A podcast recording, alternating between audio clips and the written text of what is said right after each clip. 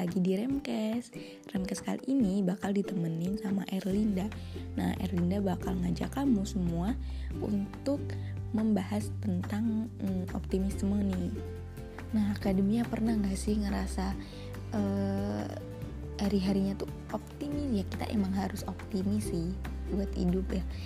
Nah ini tuh uh, Erlinda bakal ngasih tahu ada alasan-alasan terlalu optimis itu juga ternyata nggak baik loh Nah, sebaiknya itu juga dikurangi biar nggak merugikan diri sendiri. Nah, sering kali itu kita mendengar nasihat orang bijak bahwa tiap orang itu harus optimis dalam menjalani hidup. Nah, akan tetapi, optimis yang dianggap bagus akan menjadi buruk bila terlalu berlebihan akademia.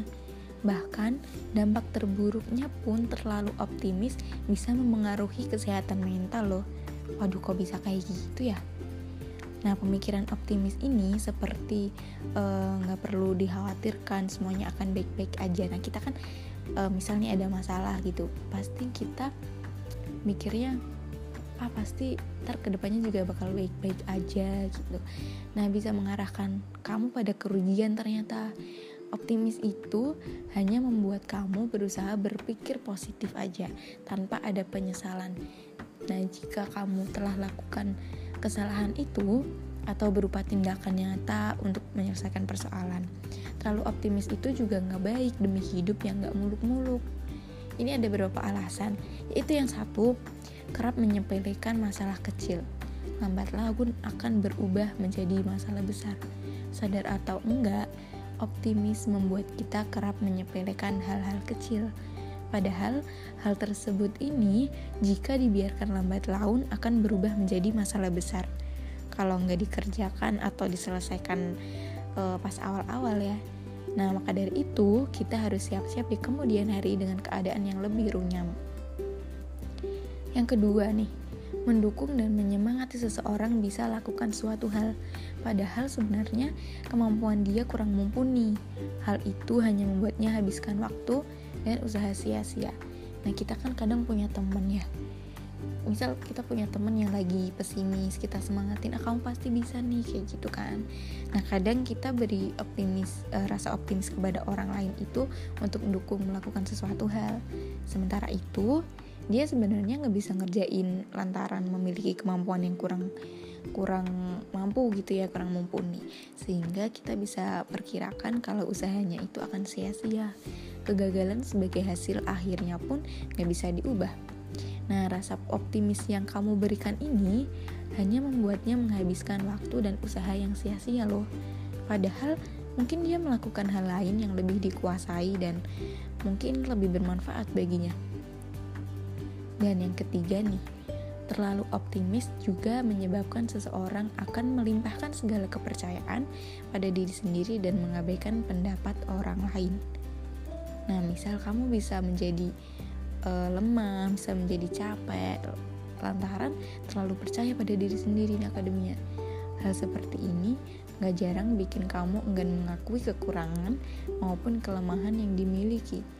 Sikap percaya diri ini, uh, misal kamu terlalu pede gitu berlebihan pedenya bisa menggelincirkan kamu pada sifat merasa paling benar.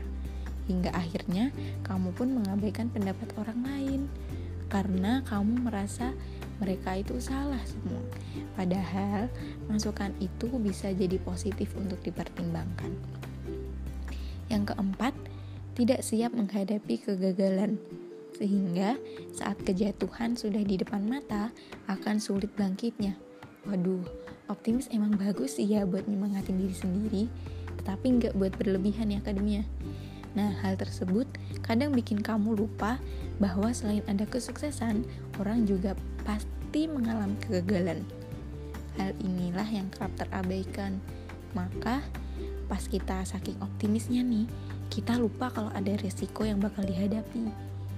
Nah, pas optimisnya berlebihan, kita bisa aja nggak siap menghadapi kegagalan. Sehingga ketika kegagalan itu sudah dialami, akalnya akan tetap sulit menerima. Oke, kita lanjut lagi ke yang kelima.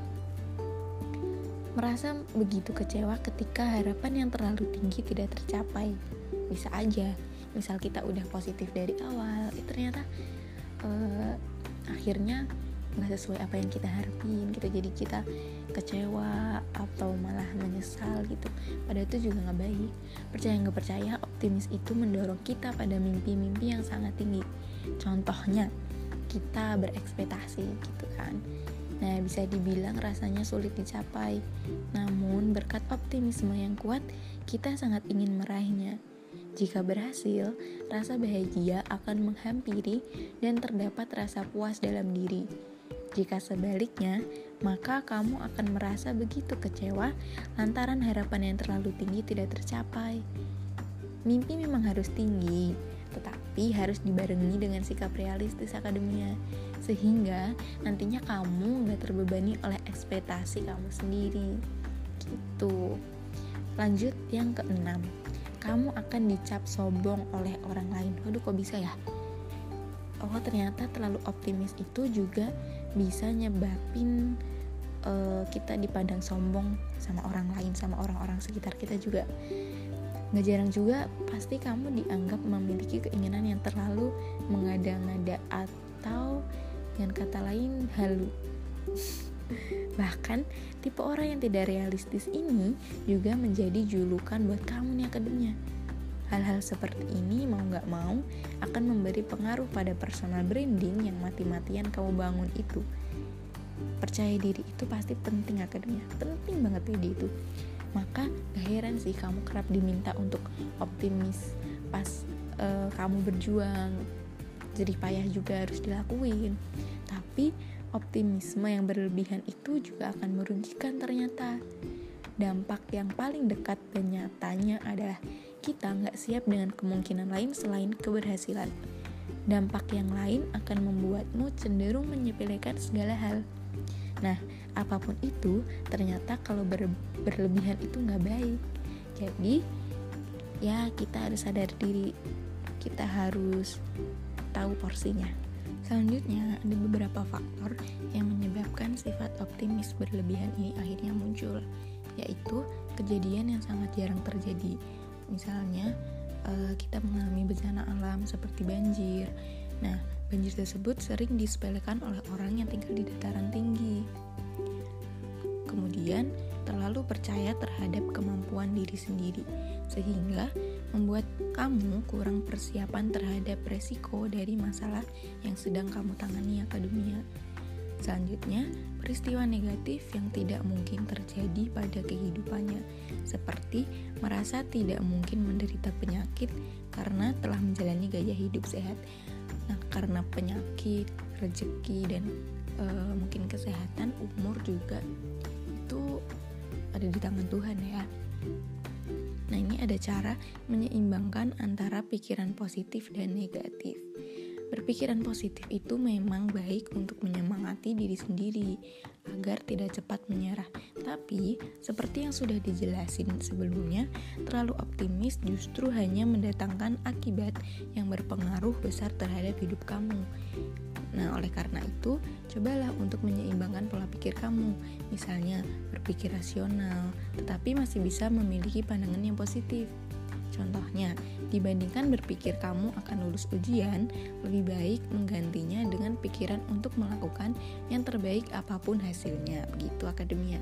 Setidaknya, hal tersebut dapat mengurangi rasa kecewa di dalam diri kamu karena berharap terlalu lebih.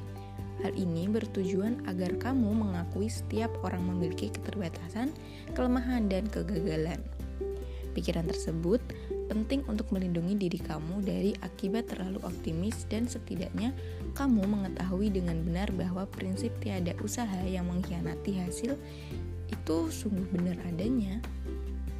Oke deh, segitu aja podcast dari Erlinda. Semoga kalian mempunyai hari-hari yang menyenangkan dan jangan lupa jaga kesehatan. Sampai jumpa di podcast lainnya. thank you